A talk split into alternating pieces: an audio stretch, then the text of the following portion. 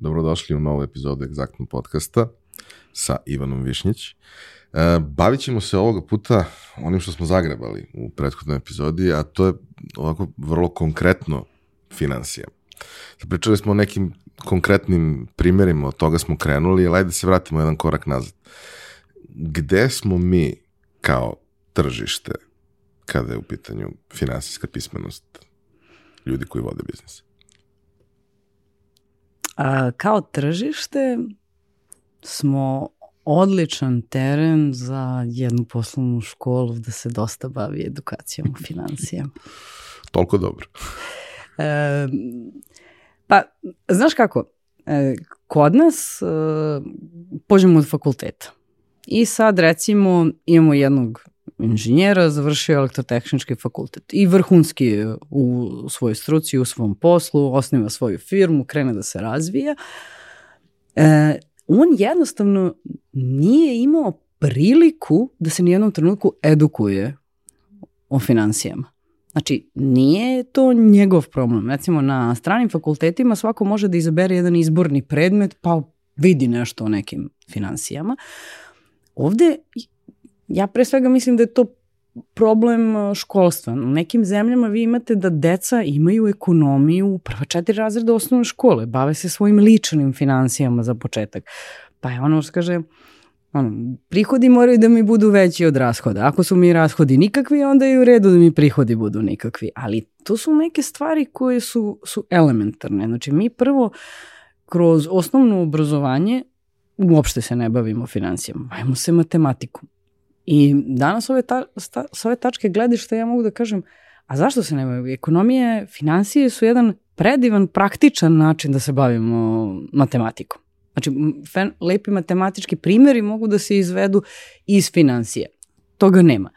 Onda krenemo u srednju školu, ovi što upišu ekonomiju, oni krenu da uče nešto o nekoj ekonomiji i šta rade, u moje vreme su uglavnom sedeli i crtali te konta. Da vežbaju to dugo i potražuje. I dalje ne razumemo zašto to radimo. Ono što je po meni jako veliki problem je mi na zapadu imamo nešto što se zove Financial and Managerial Accounting. I taj predmet postoji na većini fakulteta ili može da se uzme kao izborni predmet i da stvori ljudima neku sliku o tome. Mislim, ja milion puta sam čula da ono, ljudi, ja znam da je to sad ljudi, evo, evo, ajde da probamo. Koliko ljudi razlikuje što su potraživanja i dugovanja? I onda imamo u suštini situaciju da taj prosečan srpski preduzetnik ima dugovanja i dugovanja. Ima dugovanja od kupaca, ima dugovanja od dobavljača. I onda imamo jednog ekonomistu koji mu se smeje non stop. Najčešće iza leđa jer neće da mu objasni. Ja sam mnogo vremena, kad god neko kaže potraživanje od kupaca, mislim, jednostavno to se tako zove. Možemo si da kažemo žuto od kupca. Možemo se dogovorimo da to tako zovemo. Managerial accounting je nešto da kaže e, ovde nemamo regulativu, nemamo propise, nemamo zakon, ajde da se dogovorimo kako ćemo da radimo. Ali suština je ista. To treba da se slaže sa nečim što postoji zvanično u knjigama. Tako da, ukratko, postoji puno prostora da se obrazujemo i naučimo više. I mislim da se to odnosi ne samo na financije, nego ne. i sve ostale poslovne veštine i znanja koje treba da ima neki menadžer koji treba da vodi biznis. Uh, I ne samo na financije. Znači, ne trebaju svi menadžeri da znaju financije. Znači, ako pričamo o timu koji upravlja kompanijom, da, trebaju svi da se razumeju u financije, jer će kroz te neke finansijske izveštaje svi mnogo lako da prave svoje rezultate. Ali isto tako je i obrnuto. I ovi iz financija ne sede na zlatnom tronu, oni zaista moraju da razumeju šta radi svako od njihovih kolega. Znači, moraju da zagrebu i da razumeju. Znači, ne mogu, ja neću da platim ovaj marketing. Zašto nećemo to da platimo? To je trošak. Dobro, ajde da razmislimo o tome. Prvo, da li je to investicija ili trošak. Jedna od stvari s kojima se ja recimo ne slažem sa regulativom je da je marketing uvek trošak. To nije tačno. Znači, marketing ima svoju investicijonu kategoriju i troškovno. Šta je investicijono? Pa ono kada mi radimo neko ulaganje koje je tu da nama donese doprinose za više od jedne godine. I Prema tome trebamo tako da se obhodimo. Nažalost, regulativa to ne prepoznaje. Ja zaista mislim da marketing ima svoju stratešku ovaj, liniju, ali trebaš da razumeš zašto to radimo. I svi u tome učestvujemo. Znači i prodaja, i marketing, i proizvodnje, i financije, mi svi zajedno trebamo da imamo konsenzus o nečemu što radimo i moramo da razumemo jedni drugi. Tako da to je obostrano.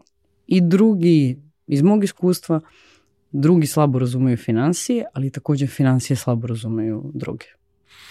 E, tu ima dosta problema koji su vrlo često i uzrok propadanja nekih preduzeća. Preduzeća koja su mm, na izgledi na prvu loptu vrlo zdrava, potentna za nekakav rast, ali upravo zbog nekih pogrešnih odluka i, i pogrešnih procena nikada ne dostignu ne pun potencijal, nego ni, ni promil uh, svega toga. Ali recimo, ti si se sad uh, uhvatila uh, dugovanje i potraživanje. Pričali smo i u pripremi i prethodno. Ja ti tvrdim da dobar deo ljudi koji vode neke biznise koji su uspešni, jer su relativno jednostavnim industrijama sa relativno jednostavnim biznis modelima koji u suštini mogu da se svedu na dognaš prodaš, ovaj, ne mogu da budu neuspešni. Znaš da imaš nešto što si platio 40, prodao si ga za 60 i znaš da si ga prodao dovoljno i sigurno je to dobro dok u jednom trenutku ne dođeš do problema i onda zapravo ne znaš koliko je loš, što je u suštini naj, najčešće pitanje. I onda ti pričaš sa tim ljudima i, i oni kažu, ali ne znam, mi smo ove godine imali toliko i toliko prihoda, mi smo imali ovo, mi smo imali, i shvatiš da u suštini kad podvuku crtu, uh, dobar deo njih zapravo 20 godina kasnije ne razume kako funkcioniše PDV, ne razumeju razliku između um, prihoda i priliva i profita, jer je to sve na P, tako da to I, je manje više isto. I ta je bida, to je. Dobro, je bida je ono, mi, mitsko biće koje suštinski niko ne razume šta znači i e, kada tako vodiš financije, kada ti se ono, svede sve na to kako da ubijemo dobit na kraju godine, što je omiljena aktivnost prosečnog srpskog malog privrednika u decembru mesecu, A? ovaj, onda ne možeš da očekuješ nikakav razvoj. Možeš da očekuješ da se održavaš i možeš da očekuješ da ti bude ok i sve to, ali ako imaš ambicije da izađeš iz jedne fabrike u drugu, treću, petu, sedmu, iz jedne zemlje u drugu, treću, četvrtu, petu, onda tim stvarima ne možeš da pristupaš na taj način. Pa, recimo, odličan mi je ovaj primjer koji si naveo, Margina biznisi počnu tako i kažem, hm, dobro, znači ja u proseku, ako sam ovo platio 20 puta 2,5 trebam da prodam i ja sam tu okej. Okay. I tu generalno može da bude u redu kad počnemo. Mali su troškovi, nema, ovaj, nema nekih opterećenja na sistem. I onda sistem poraste. I mi dalje razmišljamo puta dva i po. Jedna od stvari koja je jako bitna na koju ja uvek insistiram i koliko god da je teško uvek mora da se nađe način da se uradi, a to je da se uradi profitabilnost po pojedinačnom proizvodu. Prva stvar, ne treba se lažemo. To puta dva i po nije isto kod svih. Neki proizvod će mnogo lako i jeftino se napravi, drugi će da se napravi skup. Ne možemo, a nemaju tržište da oba prodamo po dva i po. Možemo ovaj drugi da ukinemo. Sa druge strane, ovaj prvi koji se lako napravi, da bi kupci došli do njega, da čuju za njega, da, da ga izreklamiramo, da imamo prodajnu silu koja će da govori ljudima da on postoji da ga proda, to bude 20-30% prihoda. Ovaj prvi koji je bio težak za prodaju, se pro, za proizvodnju, se prodaje sam od sebe. Njega ne idu nikakvi troškovi. I na kraju se ispostavi da ovi prvi, i ako ga prodaš sa marginom od 1,5, je profitabilniji. Znači, ne treba pričamo na pamet. Matematika je vrlo jednostavna stvar.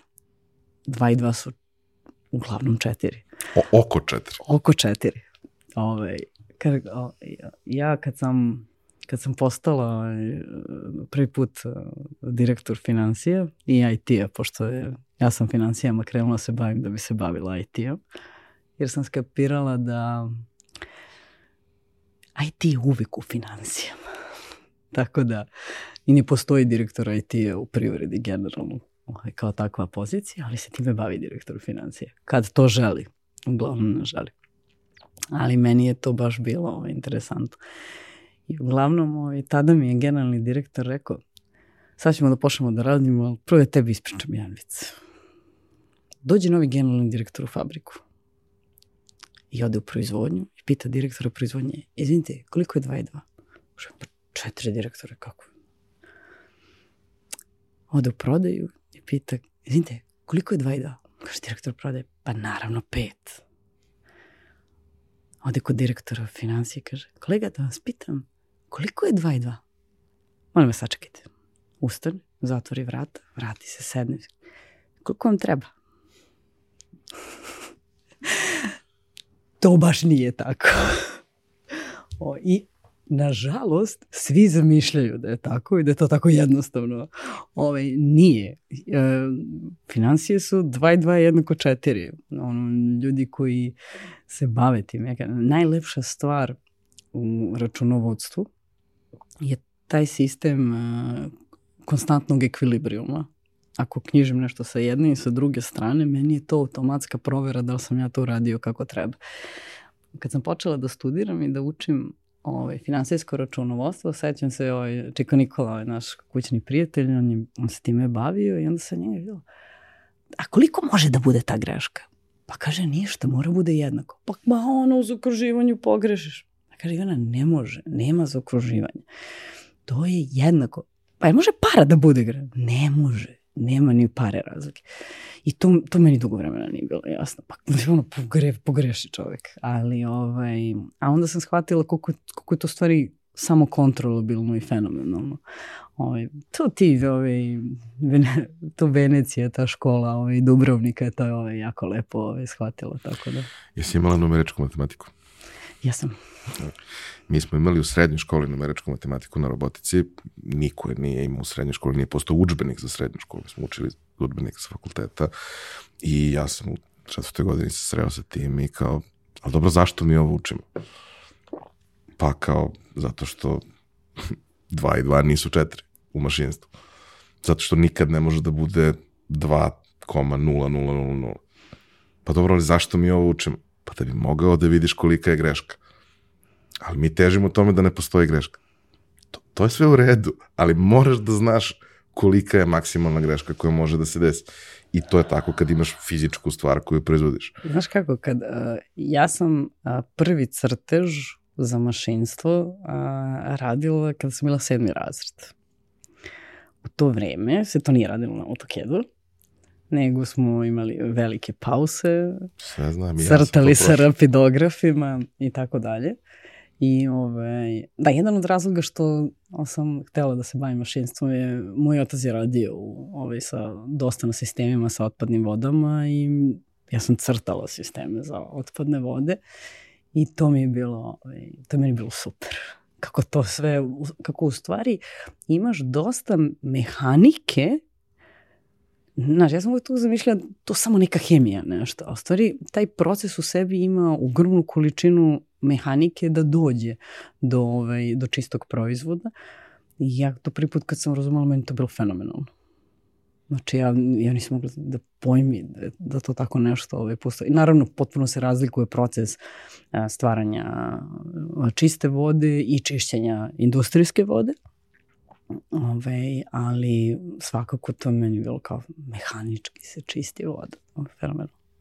Da, da, mislim ima tu toliko stvari koje su, koje su super zanimljive kad ti shvatiš da ne znam, zbog različite gustine stvari se on, nalaze na različitom mestu, tako da neke stvari kupiš sa površine, neke stvari kupiš sa dna i to je kao, pa da, ali neće biti čisto. Biće 90% čistije. Prvi bazen, drugi bazen, treći Prvi bazen. put kad sam se sreo, mislim da sam to isto nešto bio, recimo sedmi razred, kao, voda se čisti procesom reverzne osmoze. Mm, šta je reverzna osmoza? I onda shvatiš da zapravo je vrlo jednostavno. Samo traje Na- i ima proces kroz koji prolazi. Znaš koliko mi je neki put krivo što tada nije bilo YouTube-a. Znači, znaš, ja danas kad čujem tako nešto, aha, to? Ja, Zna- mislim, danas, uh, danas deca imaju toliko mogućnosti da ne, kad ti možeš video da vidiš nečega kako se nešto kako radi. Mislim, ja dan danas gledam uh, videoklipove vezane za fiziku, za kako, kad me šta, šta zanima to, jedan dan mogu da gledam nešto za fi, fiziku, ali količina informacija koja je tebi danas na klik je fenomenalna. Mislim da se svi nesuđeni mašinci, ovaj, što sam i ja, e, smiruju tako što gledaju ljude kako rade nešto na mašinama. To je nije- beskrajno, nije fenomenalno? beskrajno zabavno. Znači, ono, e, rad na strugu, e, stvaranje nečega i takođe, recimo, ne znam, meni, su super oni videoklipovi kada repariraju stare stvari i onda, ovaj, ne znam, neki, neku staru mašinu, mehaničku, pa ono, dok je rastori, dok je sastavi. Ili igračku, to isto I se- igračke su isto fenomenalne. Satovi, ono, znači, danas više nema ni satova, tako da danas je to sve elektronika. E, kad pričamo o finansijama i o ulozi konsultanta, koji je eksterni čovek, e, malo će čudno možda da zvuči, ali e, zašto vas najčešće zovu, a kada bi zapravo trebalo da vas zovu? Pa, zavisi od, uh, s- od toga šta firma radi. Znači, mi danas radimo management i IT consulting i mnogo više radimo IT consulting, ali i u tom segmentu IT consultinga ima dosta potrebe za um, subject matter ekspertima iz financija. Um, na primjer, imamo firmu koja implementira određeni sistem koji manje ili više kače financije. Na sreću ili na žalost, sad ovaj, na sreću jer ovaj, se mi time bavimo, na, po meni je to nešto što bi možda trebalo da postoji razvijeno kod vendora koji impl- implementira taj sistem, je mi dođemo da izigravamo prevodioca kod njih. Znači, znači, potrebno je da mnogo dobro razumemo šta klijent radi, zašto to radi, šta su njegove potrebe, koji su njegovi problemi i da se potrudimo da to bude i na kraju implementirano od strane vendora. Iako mi ne radimo tu implementaciju, već smo mi ti koji u tom trenutku, da kažem, pomažu. Tako da to je jedan segment uh, gde potrebno je da imaš određeno znanje iz financija, zato što moraš da razumeš ljude iz financija koji uh, rade u toj firmi, a opet trebaš da imaš određeno znanje IT jezika, da ovima koji to implementiraju prevedeš. I takođe da vršiš kontrolu da li ono što je dogovoreno se implementira. To je jedan moment. Drugi, danas je to sad opet postalo hype, je ovaj, taj controlling, sad ima taj, imamo skraćenicu, FPA, Financial Planning and Analysis, sve ne, iz nekog razloga teži tome da dobije skraćenicu, pa smo eto i ovaj, ovaj, stigli u, dotle. Šta je dobro?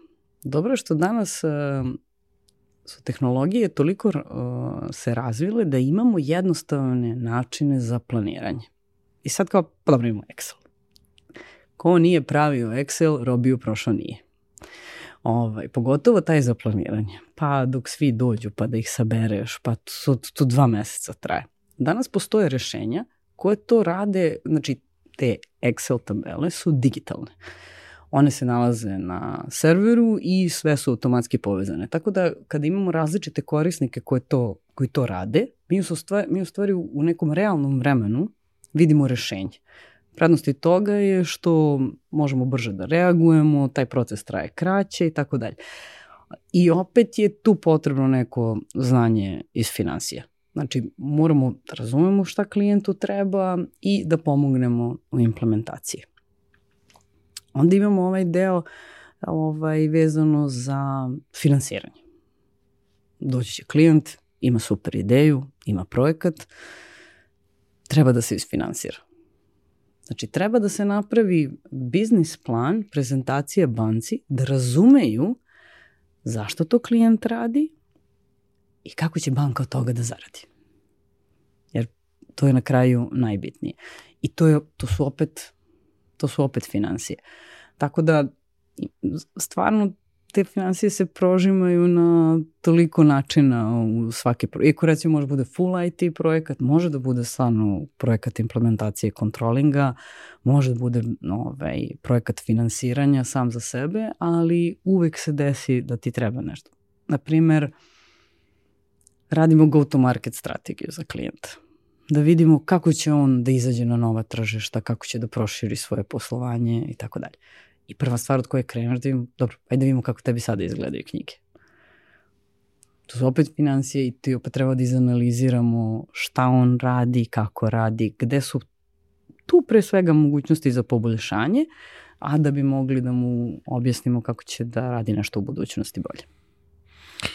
E, koliko je zahtevno na tom ljudskom nivou komunicirati sa, sa ljudima koji su, da kažem, pokrenuli neki biznis. Jer još uvek mi najčešće kada pričamo, pričamo sa onima koji su taj biznis napravili. To nije druga, treća, četvrta generacija, to nije profesionalni yes. management.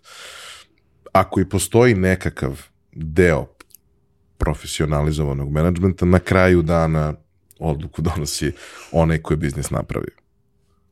Šta je, da kažemo, najčešće problem u, u komunikaciji sa tim ljudima, a šta su možda i neke lepe strane toga?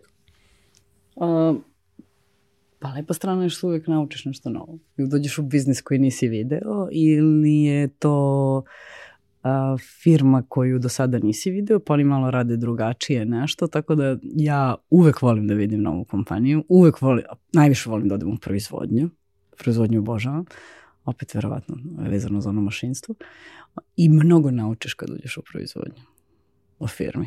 Ja kad god sam bila finanski direktor u fabrici, ja sam a, jedan dan nedeljno uvek išla u proizvodnju. Razgovaraš sa radnicima. Sa, oni ljudi toliko imaju znanja o, o toj mašini na kojoj rade. Samo ih niko nije pitao. Niko ih nije pitao. Znači, niko ih nije pitao. Ja sam bila fascinirana kad mi je ovaj čovjek objašnjavao, kaže, um, to mi je bilo smešno u Vojvodini, kažu direktorica. To se, I onda ja sedem umrem od smeha, mislim, ja sam Ivana. Ovaj, kaže, da ja vama nešto objasnim. I sad on meni objašnjava kako se to što dešava. Da skratim priču, čovjek je utvrdio da to kako se od uvek radi, ako mi njega pitamo, mi bacamo određenu količinu čokolade na kraju dana koja je neupotrebljiva. Kada bi mi to ovako uradili, pa da... Ti pričao sa nekim o tome? Pa ja sam probao, ali mene nije niko čuo. I onda, ovaj, ovaj, onda ja odem kod direktora ove operacije, rekao, ja da te pitam. Sti, nema, ajmo ja i ti zajedno da prošetamo. I tako. Tako da ovaj, uvijek možeš puno ovaj, da naučiš. Ali ovaj, e, da se vratim na tvoje pitanje kako se preduzetnicima. U Srbiji teško. Znači, e, pomoć za financije, postavku kontrolinga i tako nešto, ljudi traže već kad postanu dovoljno veliki, kada su isprobali mnogo toga, pa nije uspelo. A postoji jedan vrlo jednostavan način zašto mnogo stvari u kao implementaciji i primjeni u financijama ne uspe kada se radi interno. Ja mogu da kažem sa mog stanovišta, kada sam radila interno u kompaniji, kada radim kao konsultant. Ono što mogu za 3 do 6 meseci da uradim kao konsultant, od početka, od nule možemo sve da uradimo. Ali kad radim u kompaniji, meni za te stvari trebaju 3 godine. Mislim, ja sam ista. Uvek radim sa pametnim i divnim ljudima. Ne, nije problem. Ali ovde kad radimo, mi imamo brdo dnevnih operativnih obaveza i mi nemamo vremena da se bavimo novim stvarima. I to je stvari prelepa prednost konsultinga. Znači i u ono doba bivše Jugoslavije su bili mnogo pametni da za sve što ne znaju nađu konsultanta. Nažalost, mi smo vjerojatno previše vremena proveli po sankcijama, nemaštini i tako dalje. Mislim, za to jednostavno nije bilo para i mi smo zaboravili na tu kulturu i dosta konsultinga. Ovaj, dok recimo u Sloveniji će mnogo lakše da uzmu ovaj, consulting za bilo šta da im se pomogne nego što je to situacija u Srbiji. Pa ja, ja vidim tu neke dve stvari koje bih volao da prokomentarišemo. Prva stvar je da je svakako prednost to što dogovaraš sa jednom osobom. Jeste. I, ok, možda moraš da impresioniraš jednu osobu i to nije jednostavno, ali kad dobiješ buy-in od te osobe, onda će sve da se desi uz manje ili više problema, ali će da se desi. E sad, drugi deo, uh, baš apropo ovoga što si, što si rekla, meni se čini da je zapravo najveći problem bio taj gap od jedno deset godina između velikih fabrika i novih fabrika. Jer u tih deset godina to nisu bile fabrike, to nisu bile prave firme sa pravom strukturom, to je bilo nešto što neko pokuša u okviru domaćinstva, pa se dogradi još jedan objekat, pa ovo, pa ono, i onda treba neko vreme da to izraste do nečega što je firma. A tih deset godina nigde nisi mogao da vidiš kako neko uspešno radi. Jer one firme koje su ostale uspešne iz bivše Jugoslavije, kojih nije bilo mnogo, ali koje su ostale, one su radile na autopilot kao što su radile 40 godina pre toga. Prilike. One koje su propale, pa od njih ne možeš da naučiš ništa dobro. Možeš da naučiš šta ne treba da radiš. I to I je odličan si imao taj gap koji je u suštini problem, a opet čak i najuspešniji primjeri firmi koje su se deceniju, dve, tri kasnije prodale nekim kompanijama koje su možda globalni lideri, ti vidiš da je to pokrenuo, na primer, sjajni inženjer koji je hteo da napravi nešto svoje i on je radio to svoje i to što on radio je bilo toliko dobro da nije moglo da ne uspe. Znači, on je, on je uspeo uprkos tome što se nije bavio ovim ostalim stvarima. Neki put je proizvod toliko dobar da prevaziđe sve. A, a sa druge strane, meni je to, recimo to učenje na slučajevima, koje takođe mi kao školstvo ne poznajemo. Mi imamo zadnjih par godina da se na fonu dosta radi na tome, pa sad je počelo na ekonomskom fakultetu i tako dalje. Postoje te neka udruženja koja a, ovaj, skupljaju studente sa različitih fakulteta pa zajedno rade na nekim kejsovima i tako dalje. Mislim da je to odlična škola i da toga treba što više. Meni je na MBA-u najbolje bilo, najviše smo naučili na radu na tim kejsovima. I to stvarno me, mene do, meni je mnogo značilo, moram da priznam. Ali u ovoj situaciji kada ti dođeš i nekome trebaš da objasniš da to ništa ne valja. A to traje. A on je to napravio On je to najbolje što je umeo i došlo je dotle Uh, ja mislim da je potrebno da čovjek shvati da mu treba pomoć. I da je sam traži. Da, da bar oseti da ima potrebu da pita kako može da bude bolji. I tada je mnogo lakše. Znači, e, ima ih koji su sami, sve su stvorili, nisu uspeli da stvore management oko tebe, to sami guraju, rade sa decom i tako dalje, ali su svesni da mogu bolje i da ne znaju. Znači, to je prvi korak. Jer ako neko ne oseti taj prvi korak, onda je mnogo teško. Um, skoro sam gledala priču o Dysonu. Ovaj, on je mm, radio, bio otpuštan, rešio da pravi novu sesivač, pet i po hiljada prototipa napravio, doveo sebe i porodicu na granicu siromaštva i napravio proizvod. I onda niko nije hteo da ga proizvede. Pa izazov jedan, drugi, treći. Uglavnom čovjek je napravio svoju firmu u jednom trenutku je shvatio ja ne želim da upravljam ovom firmom. Ja ne želim se bavim ni financijama, ni prodajom, ni marketingom, mi to ništa ne zanima. Ja hoću da se bavim razvojem. To je moja strast. Koliko sam videla, ni dan danas 100% vlasnik te kompanije, nije prodao. Skoro sam ovaj, gledala reportažu iz uh, njegovog R&D centra, oko svemirski brod izgleda. Ono, kako bi neko napravio sebi sobu za igranje. I mislim da je to fenomenalno. Znači, on je prepoznao šta ne radi kako treba, šta ga ne zanima, što je mnogo, mnogo više, i posvetio se onome što radi najbolje. I izbegao je jednu, jednu stvar koju jako malo njih na kraju izbegne, a to je nije uzeo da pravi 800 različitih proizvoda. Da. Nego pravi, ono, suštinski, ne znam, tri ili četiri vrste proizvoda, možda u nekoliko mm -hmm. varijacija, ali tri, četiri vrste proizvoda koje prave najbolje na svetu i to je to. Kao, ono, ja svaki put i dan danas oduševim što je verovatno posledica odrastanja u siromaštvu zvanom Srbija. tadašnja Srbija i Jugoslavija. Ovaj, svaki put se oduševim kad vidim Airblades negde. I sad ja se igram sa tim. I postoje i drugi proizvođači. Ali nije to to.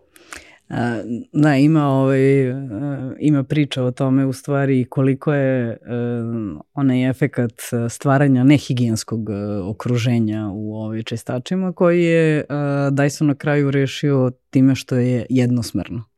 Znači nema, nema zadržavanja toga. Tako da e, i mislim da se tipa u poslednjih e, deset godina vidi se na proizvodima da se posvetio tim mikroorganizmima i tako dalje. Tako da dotle je ovaj došlo. Mislim, ti usisavaš, usisivač meri koliko si čega pokupio. ono jezivo izgleda, znači, ali, ovaj, ali dobro, okej. Okay.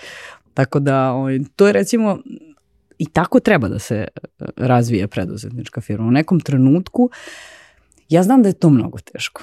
I generalno, uh, ljudi, da se ne lažemo, bilo je mnogo situacija da su um, ti isti preduzetnici pokušali da angažuju menadžment, da su doveli neke ljude, da su im dali poverenje i da su se opekli, da se to jako loše završilo. To postavlja se pitanje kako biramo taj menadžment o, ja sam uvek govorila dok sam a, bila finansijski direktor da ja radim za vlasnika, ne za generalnog direktora. To se generalnom direktoru naravno ne svidi, ali to je taj jedan odnos, znači mora postoji taj neki sistem kontrole. Znači nikome, jer ako, ljudi su takvi, daš mu previše vlasti, mogućnosti i ode na stranu i ne završi se kako treba. I mnogi ljudi zapravo ne znaju i vrlo često imaš onaj tipično IT problem da taj vlasnik i ko je osmislio jeli, i biznis i procese i sve misli da je preneo sve, ali nije. Jer on Botak. i dalje zna gomilu nekih stvari koje nikada niko nigde nije dokumentovao jer to se podrazumeva, pa mi to tako radimo 30 godina. A, a tek u financijama to što se podrazumeva. Znači, tu je bilo situacija da ono, dođem kao, ovaj, ali rekao, ja mislim da nama nešto ovde fali. Ne, ne, ne, nikako, ne, sve, sve, sve tu gde treba da bude. Ja i dalje mislim da nama nešto ovde fali.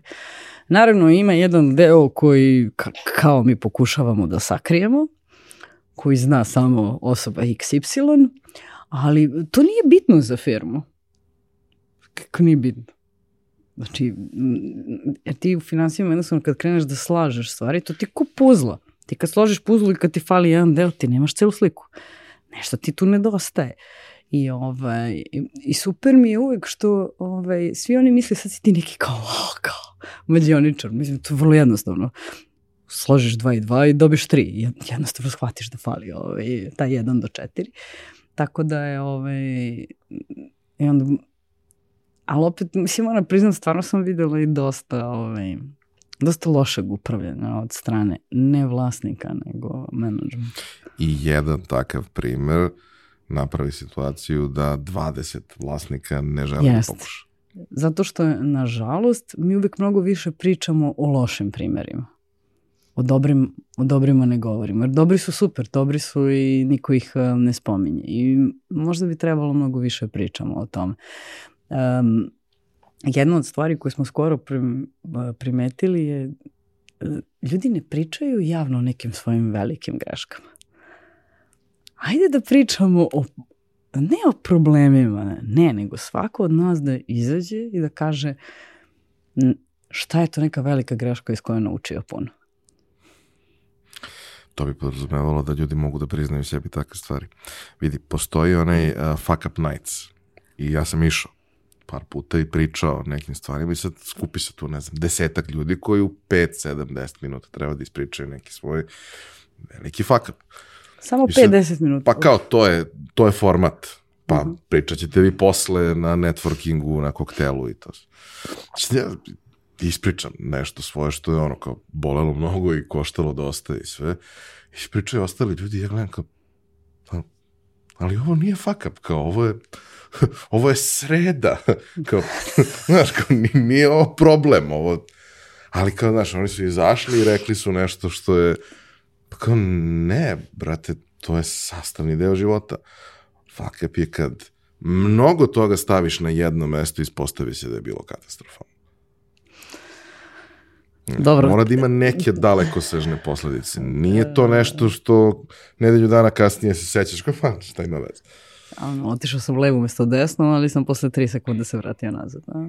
Nije tako. Ali da, dosta je to, dosta je to problematično i um, kao što niko ne želi da priča odakle mu početni kapital, tako isto niko ne želi da priča ni o greškama koje, koje su pravili u tom procesu ili naravno to ulepšavaju tako što izmeste svoju ulogu možda na neko drugo mesto, prebace na nekog i slično. E, Znaš o čemu se takođe ne priča? Ne priča se o uspesima, da kažem, tog srednjeg menadžmenta koji upravlja manjim procesima. Recimo, ja nisam nigde čula da, da pričamo o takvim stvarima, a, a toliko toga oni pozitivno urade na dnevnom osnovu. Ni negativno, ali ima i Ali, pozitivnih znaš, slučajeva. ja sam jednom prilikom, pošto sam ti rekla mnogo volim da idem u proizvodnju, i ulazim u pogon, sad ogromna mašina, ono, ne vidiš je kraj, ja vidim nešto su se uzrujali radnici. Ali stvarno osjećaš, osjećaš da je neki problem. I, i pokušavam prvo da sagledam, ne, ne, nešto nije u redu. Dolazi ovaj, smenovođa, mrtav hladan, i ja mu kažem, jer je sve u redu? Jeste, jeste. Malo meni ovo ne izgleda kao da je u redu. Ma, znaš šta, trebao sam da imam 23 ljudi u smeni, pa šestoro mi se razbolelo, četvoro otišlo na godišnji odmor, ovaj, tako da, po stvari 13 ih je ovde sada. Pa ti možeš ovako da radiš? Pa malo će da se rastrče, ali ovaj, znači on je um, uspeo, u stvari moje frku na kraju su prebacili deo ljudi, ali pošto je mašina krenula, to je sad da ne možeš ti mašinu ono ogromno da zaustaviš, znači. Ovaj, on je rešio da ih prebaci se jedne na drugu, neki će da šetaju sa dve pozicije koje su im bliske, malo će taj dan da se natrče, što je generalno zdravo, ne treba da stoje u mestu. I ovaj, treba da izdrže jedno, dva, tri sata, pozvali su prethodnu smenu da dođe ranije i sve će da bude okej. Znači, onda se nije snašao to bi koštalo par desetina hiljada eura sirovine koje bi bile bačene, koje su u tom trenutku ušle na liniju. Ali snašao se, razmislio i kako je najbrže e, da oni je šetaju, kako maksimalno da udupla, udupla ljude. I on je tog trenutka spasao i sirovine od se- 20-30 hiljada eura. Bitno da je bio mrtav vlada. Ali mrtav vlada. Znači, apsolutno kao da je sve potpuno u redu. Tako da. Treba učiti od njih. Mm, ok, nisam siguran kako bih se ja poneo u takvoj situaciji, ali ovaj, činjenica jeste da ljudi nalaze rešenje i da ta beskonačna količina iskustva koju imaju mnogo pomaže u tom procesu. Um, pričali smo malo o financijama, a u sledećoj epizodi ćemo da pričamo o nečemu što nema nikakve veze sa svim ovim prethodnim. Ili možda ima. To ćeš ti da nam objasniš. Ti si ronilac, oni koji gledaju podcast uh, možda mogu da primete uh, medaljon raže koju nosiš. Ovaj, uh, oni koji slušaju ne mogu da primete ništa, ali će čuti u narednoj epizodi. Um, samo, eto, kratko kao nekakav intro za ono o čemu ćemo pričati. Um, šta si ti formalno kao ronilac? A, formalno i neformalno ja volim vodu. Dobro. A ovaj, sad, e, formalno ja sam generalno rekreativni ronilac, rekreativni instruktor, završila sam ovaj, i za instruktora za ronjenje sa osobama sa invaliditetom, što mi je posebno, ovaj, da kažem, bilo drago što sam uspela. I onda je počela korona i nije moglo se putuje i onda sam postala tehnički ranilac. Dobro, pričat ćemo o tome u narodnoj epizodi. Hvala vam što ste nas slušali, vidimo se ponovo naredne nedelje.